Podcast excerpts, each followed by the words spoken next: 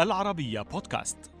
أنا طاهر بركة أحييكم وأقدم إليكم حلقة جديدة من برنامج الذاكرة السياسية. فأهلا بكم.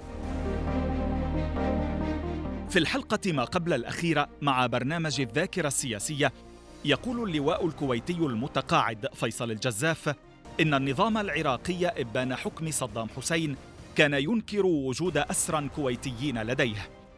وعن مصادر معلومات الكويت عن أسراها يوضح أنها كانت تصلها من جهات ووثائق عراقية.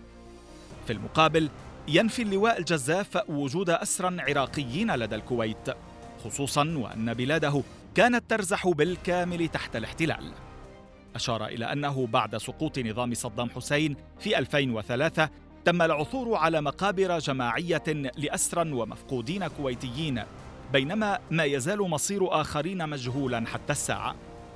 وفي الحلقة يكشف اللواء الكويتي المتقاعد عن دور وسطاء دخلوا على خط تحرير الأسرى في العراق ومنهم الروسي فلاديمير جيروفسكي ورئيس الحكومة الأردني الأسبق عبد الكريم الكباريتي وعز الدين المجيد بن عم صدام حسين ورجل الأعمال الكويتي فؤاد الغانم. وفي الحلقة يبرز اللواء الكويتي صورة للواء يوسف المشاري في الأسر كاشفا أنه تم دفع مبلغ 200 ألف دولار ثمنا لها ووعد من حملها إليه من ضباط في المخابرات العراقية بدفع أي مبلغ يطلبونه مقابل الإفراج عنه. لكن الأحداث تسارعت وتمت تصفية المشاري في المعتقل قبيل سقوط النظام. اللواء الكويتي المتقاعد فيصل الجزاف كشف أن مسؤولين عراقيين باعوا بعد سقوط النظام. ارشيفا يتضمن آلاف المستندات والمعلومات عن العراق منذ العام عشرين ولغاية تاريخ سقوط نظام صدام حسين في 2003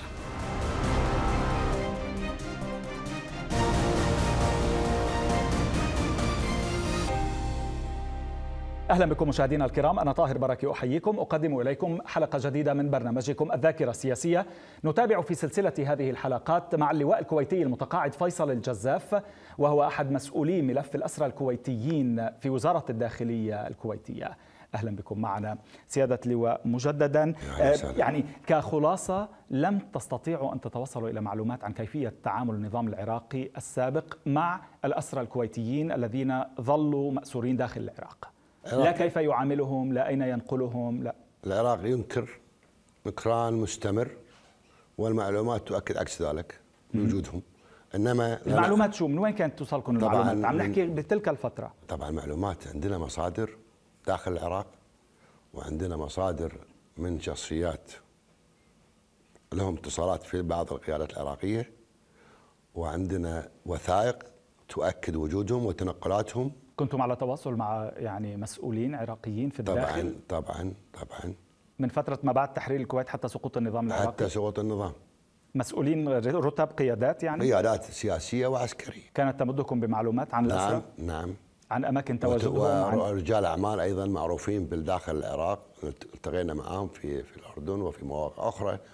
وأيضا عندنا من الشخصيات آه، أو رجال الأعمال لهم اتصالات في العراق. أيضا من خلال رجال اعمال عندهم معلومات وهو غريبين من السلطة أصلا. العراق يقول إن لديه آه، أو لنقل المؤيدين للنظام السابق على الأقل إن لديهم أسراهم وقتلاهم كما للكويت أسراها وقتلاها. من اعتدى على الثاني سؤال أسأل كل من ادعى هذا الكلام لكل عراقي هل إحنا احتلينا العراق والعراق احتل الكويت؟ فكيف يصبح عندنا عندهم آه، أسرة؟ إحنا إحنا إحنا الدولة اللي تم احتلالها وبطش في أهلها وقتلهم، إحنا نعرف إنه في احتلال، زين ليش ليش ليش تقتل الناس؟ ليش تسلب البلد؟ ليش تفضيها؟ فهذا ردي على من ادعى. سيادة اللواء لديك عشرات الوثائق والصور الأصلية الخاصة بمؤسسات عراقية رسمية هي آه، آه، يعني أرشيف دولة بالنتيجة بغض النظر عن النظام نعم. كيف استطعتم التحصل عليها؟ آه، حصلنا عليها ما قبل سقوط النظام من خلال مصادرنا أيضا أؤكد لك وفي ما قبل سقوط النظام؟ طبعا في لو خليت خربت يعني في أشراف العراق كثيرين من يعني يعني هم أصلا العراق ضحية صدام حسين. ولا أريد أن أحكي ما ما شاهدناه بعد سقوط النظام من المغابر ومن السجون ومن ومن ومن يعني. فهذا لا يعادل هذا ربما إحنا نتكلم عن 650 بالنسبة لنا ككويت إحنا نعتبر 600 ألف. بينما ما شاهدناه في العراق من مغابر جماعية يشيب لها الرأس يعني تنكسر وانت ترى مئات الآلاف تحت الأرض والسجون اللي شاهدناها لا يمكن لإنسان أن يفكر إنه يكون هذا سجن يتعاقب فيه إنسان. يقال إنه عرض عشرات يعني ملايين الدولارات نعم. على جهات معينة لبيع أرشيف إن كان القصر الجمهوري أو أي مؤسسات نعم كان هناك صحيح؟ في في في أرشيف آه، بحجم 6000 آه، شريط طبعا ماكرو فيلم آه، كل شريط يحتوي على 5000 وثيقة تم بيعه لأن تم بيعه بالفعل؟ بالفعل نعم في إلى جهات إقليمية؟ إلى جهة إقليمية بحدود 10 مليون لكن ما سعفنا الحظ إن ناخذه إحنا كالكويت لأنك في في أسرار العراق من 1920 إلى ما قبل سقوط النظام بأسبوعين. من المحاولات المتقدمة في مسار التفاوض بخصوص الأسرى ما قام به زعيم الحزب الليبرالي الديمقراطي الروسي النائب فلاديمير جيرينوفسكي مقابل نحو مليار دولار. تقريبا. ما قصة قصة طويلة باختصار هو علاقته مع صدام حسين كان يذهب إلى صدام حسين فترات طويلة يعني خلال الغزو وبعد الغزو وتربط علاقة فيه. آه تم ترتيب أمور معينة في أحد أجهزة المخابرات الأوروبية أنه جونسكي مستعد أنه هو يقوم بهذه المهمة مقابل مادي فكلفت في هذه المهمة وطبعا باجتماعات تمهيدية قبل ما نلتقي معه وأبلغت طبعا آه، القيادة السياسية متمثلة بالشيخ جابر وأعطى الأوامر بأن أقوم في أستكمل هذه المهمات ليس لديه مانع بأن قالها كلمة, كلمة مشهورة أني أدفع الفلوس الكويت كلها عشان أسير ما يهمني وفعلا بعد ترتيبات طويلة استغرقت سنة كاملة الشيخ جابر جابر الأحمد رحمة الله عليه قال ذلك لك تحديدا؟ إي نعم تحديدا قال لي أدفع أموال الكويت كلها مقابل أسير واحد دوسة أسير واحد ما تسوى. هذا قالها على آه، في في محاولة جيرونوفسكي الروسي أو في محاولة آه، التحصل على معلومات بموضوع اللواء المشاري؟ لا في في موضوعين مهمين أي. صورة يوسف المشاري حصلنا عليها. تمام. عرضت علينا بأربعة مليون بوساطة أحد الشخصيات الأردنية. لا أريد أن أذكر اسمه. تمام. لأن لما أستأذنه. مع مجموعة من المخابرات العراقية والتقيت معهم وأخذنا الصورة بأقل من هذا بكثير. ووعدناهم في حالة إخراج يوسف المشاري بأن يحصلون المبلغ اللي هم يريدونه. ووعدونا في هذا الأمر بحيث يغتنمون فرص يعني تخلخل أمني في أي لحظة لأن عندهم موقعة ومع الدكتور اللي عالجه إلى آخره. ما يتعلق في جيرنوفسكي بدأنا مشوار الترتيبات اللي توثق هذا الطلب أو هذا العرض وعملنا فيه ووقعت أنا بهذا المبلغ. ومشروط طبعا في خروج كل مجموعة لها وقعت مبلغ مليار دولار نعم مقابل إي نعم اجتمعنا في مقابل صفقة كم تشمل مثلا؟ عدد كل الاسرى كان على الاسرى ولكن الموجود محسوب على كل مجموعة كم سعرها. مم. ويقود هذا هاي المفاوضات هو حسين كامل مع جرمسكي حسين كامل. هذا قبل قبل انشقاقه طبعا قبل انشقاقه نعم. وعملنا على مدار سنة اجتمعنا في فيينا كلهم ممثلين للنظام في مواقع مختلفة في دول مختلفة. من كان ياخذ العملية مع حسين, حسين كامل. كامل من النظام؟ نعم حسين كامل. هو الذي كان ياخذ طبعا العملية. وهذا بكلام الشخص اللي يعمل في المخابرات في أحد الدول الأجنبية. ووقعت العقد باسم شركة وتحددوها لنا في بنك في بلجيكا. عملنا إجراءاتنا الرسمية من خلال طبعا الحكومة الكويتية والبنك المركزي وتمت حسب الشروط.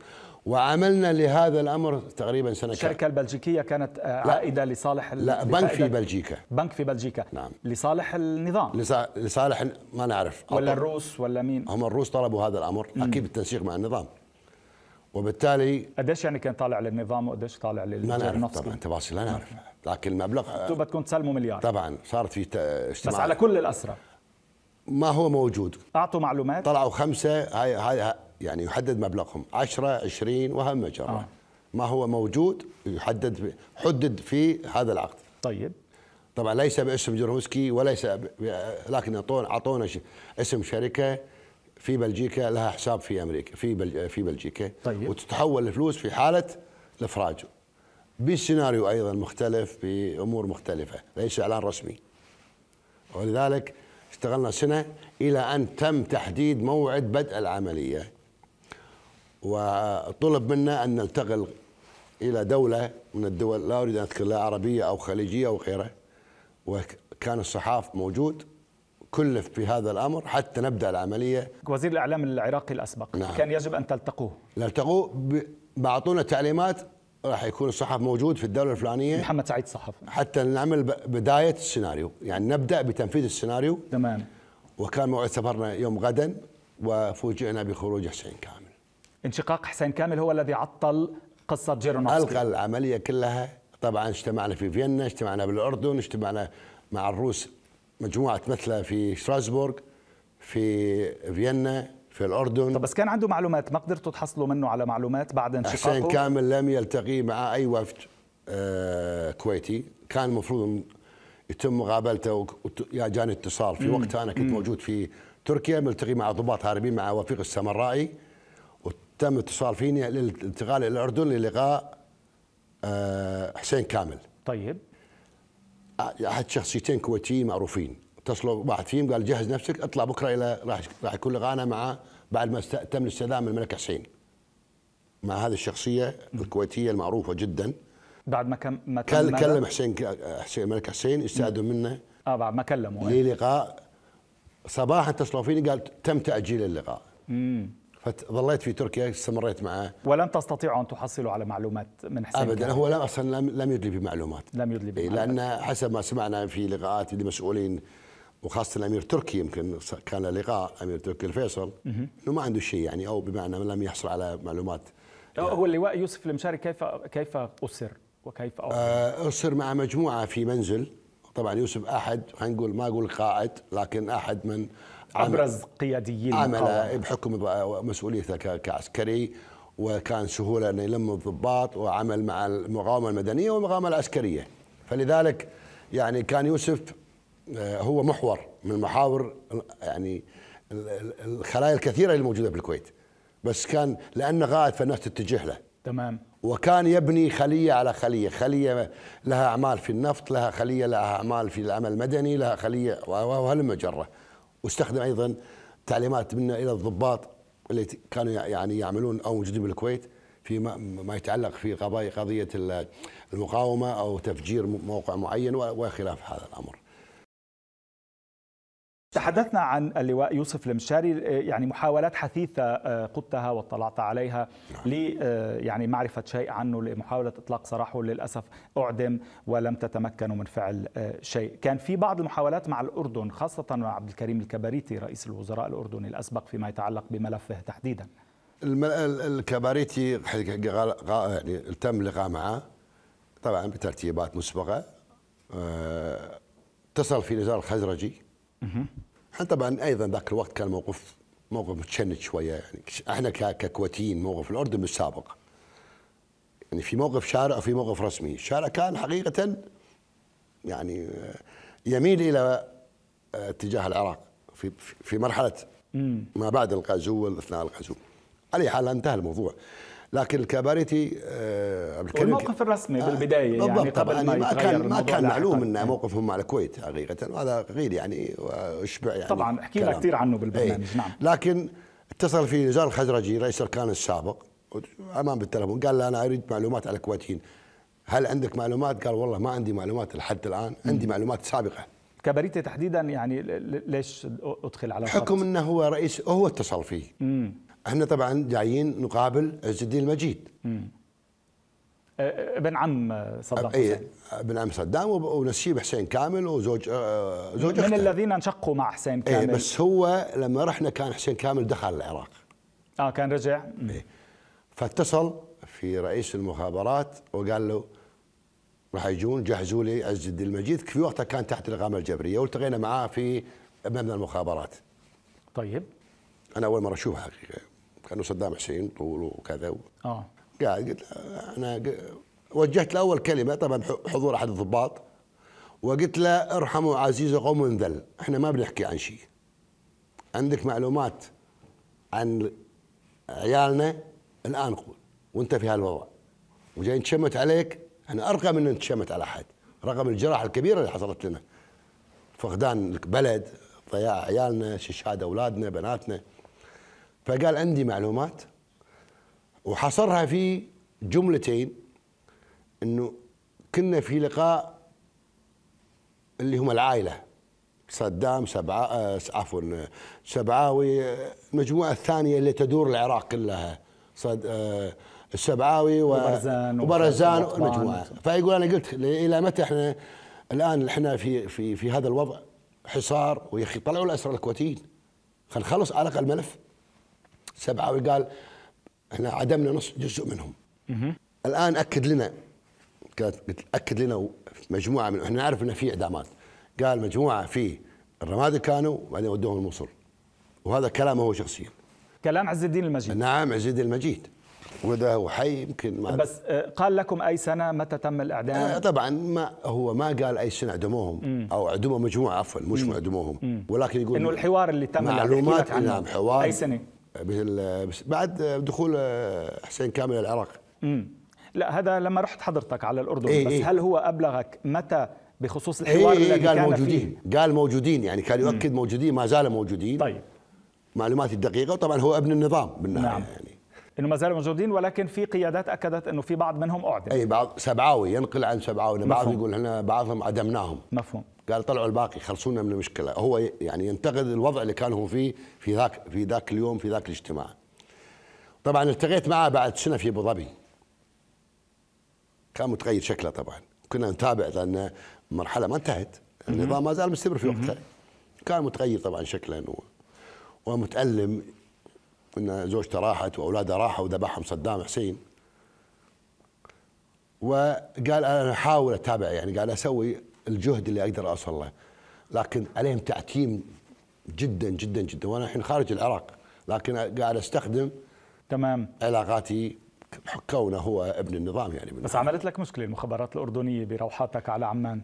طبعا أنا في البداية كنت أدخل باسم مستعار بعدين تعرف كان الوضع صعب وكنا كيف كانوا يتعاملوا معك؟ يعني, يعني شوف يحتجزوك؟ يعني يحتجون بالمخابرات أول مرة في أيام الغيسي. آه نعم. اي وصار في يعني شوية مشادات. لأن رموني في حجز وغيره وأنا كنت أروح في مهمة عادية وإني مدرس طريق أنا مدرس مش يعني ضابط شرطة أو أو والثانيه أيام من؟ آه، طبعا السفارة تدخلت وصارت مشكلة كبيرة. وأيام سميح البطيخي أيضا. تحقيق معي. بعدين أنا لحسن الحظ عندي صديق مم. في المخابرات. اتصلت فيه قبل ما يرحلوني إلى مبنى المخابرات.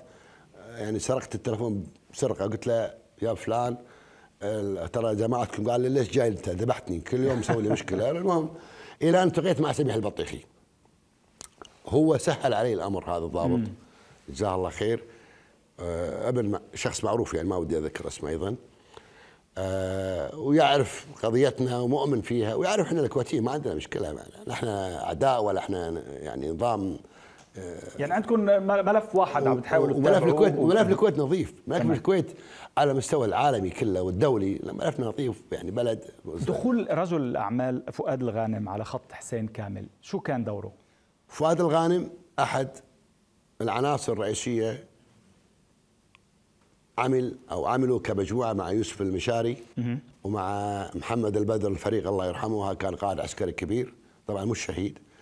ومجموعة من الضباط اللي أخذوهم جزء منهم أسروهم وخرجوهم الثوار وجزء اللي استشهدوا مع يوسف المشاري نقلوهم منهم آه، عميد سفاح والعقيد آه، وقتها طبعا يعقوب السجاري مدير مكتب وزير الداخلية وعادل عبد الرزاق أحد الضباط أيضا.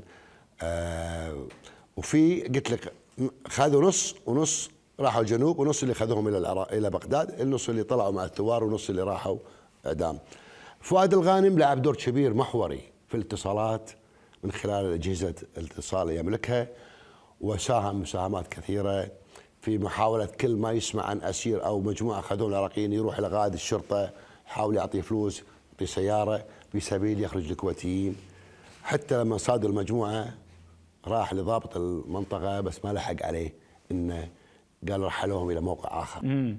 ودفع فلوس ودفع أمور كثيرة وسياراته يعني استخدمها لمساعدة الكويتيين من قبض عليهم. هذا على نفس خط آه، جيرانوفسكي كان مع حسين كامل لا. ولا خط غير مستقل لا. تماما؟ قصة قصة السيد فؤاد الغانم مع حسين كامل في موضوع جلوسكي مختلف شوية لكن حسين كامل هو من أبلغ فؤاد في لقاء تم اللقاء وايد مهم هذا وأيضا يذكر لأول مرة. آه، فؤاد الغانم كان عنده شركة مقاولات طبعا يعمل فيها ومعروفة شركة فؤاد الغانم في العراق أثناء الحرب العراقية. حسين كامل كان هو المشرف على هذه المشاريع. ولا علاقة مع السيد آه، فؤاد الغانم حسين كامل. بعد الغزو بعد تحرير الكويت عفوا السيد فؤاد الغانم له علاقة مع شخص رجل أعمال يعرف وزير الخارجية الروسي. وطلب منه انه يساعد في اتصال بالعراق أو الذهاب للعراق وزير الخارجية الروسي كلف نائب وزير الخارجية هو فيكتور بوسو فاليوك. هذا كان سفير روسيا بالعراق 14 سنة وله علاقات واسعة. اتصل بحسين كامل مرة مرتين راح العراق زاره بعدين أبلغ سيد فال غانم إنه وافق حسين كامل يجي إلى إلى روسيا وممكن اللقاء فيه وأبدأ جانب إيجابي في الموضوع. والتقى معه ذهب طبعا سيد فؤاد والتقى معاه في منطقة اسمها كامباليكو أو كامباليكي احدى الدول اللي كانت تتبع الاتحاد السوفيتي. وصار اللقاء طبعا اللقاء كان سيد فؤاد كان متشنج جدا خاصه يعني بعد اللي صار بالكويت. فحاول راح فيه قال أنا جاي لموضوع أسرة ولم أسلم عليك كما سلمت عليك في السابق. قال تفضل. قال له أبي الأسرة الكويتي. قال عندنا شروط. قال ما تكلم بشروط. هذه قضية إنسانية. يجب أن تكون محور الآن لقائنا لذلك قال أنا عارف إن أنتم دفعتوا لجوروفسكي 800 مليون. إذا بدكم 10 مليار نعطيكم إحنا ما نبي فلوس نبي شرط واحد. ان تنتقل المحادثات إلى أم قصر. أم قصر طبعا ضمت إلى الكويت بعد التخطيط الدولي. قال اسمح لي بالموضوع لن أناقشك فيه. ولا لي سلطة ولا لي أي قرار إني أقول هذا الكلام وإني أعطيك هذا الشرط أعطيك أنا أبي الأسرة. قال إيش عرفك موجودين قال عندي وثائق تؤكد وجود الأسرة. قال له أنت تشتغل مخابرات. قال عندي مصادري وعندي علاقاتي. وكل الكويتيين لهم علاقات. الآن خلينا نخلص الموضوع هذا لصالح العراق. قال له خلينا نشوف الموضوع وأرجع عليك. اجتمع مرة ثانية معه ثاني يوم. طبعا كانت كل المحادثات مسجلة من خلال الروس وأبلغوه. وبالنهاية لم نحصل على شيء. واضح إنه قلت لك كانوا مستمرين في هذا الأمر. قصة صورة اللواء يوسف المشاري كيف حصلتم عليها؟ أه، حدثتك أنا إنه أحد الشخصيات الأردنية أه، سوى اتصال بالكويت طبعا وأبلغت الشيخ صباح الله يرحمه اللي كان وزير وقتها وزير الخارجية والصاحب السمو الشيخ جابر وكلفت ورحت قابلت الإخوان هناك ومعهم ثلاثة من المخابرات. وشفت الصورة وكان كان زمنها شهر. إيه بس كيف حصلتم عليها يعني؟ كيف هم جا هم يعني جابوها. من شو من منشقين؟ مخابرات عراقية موجودين منشقة. موجودين بالنظام. موجودين بالنظام. نعم جو إلى وهم على رأس عملهم؟ نعم كان يا أبو جاي مادي وكان معروض 4 مليون وصلناها إلى 200 ألف ووعدناهم في إخراج يوسف مقابل ملايين. يعني دفعتم 200 ألف دولار نعم كاش من أجل هذه الصورة. هذه الصورة وأثبتنا تاريخها متى. كانت قالوا شهر وفعلا فحصناها كان تاريخها شهر. هو في أحد المعسكرات ومغطينه ولابس قطرة وعنده أدوية ولأنه كان مريض في القلب يعني. فاثبت يعني على الأقل تأكدنا أن يوسف موجود في ذاك الوقت.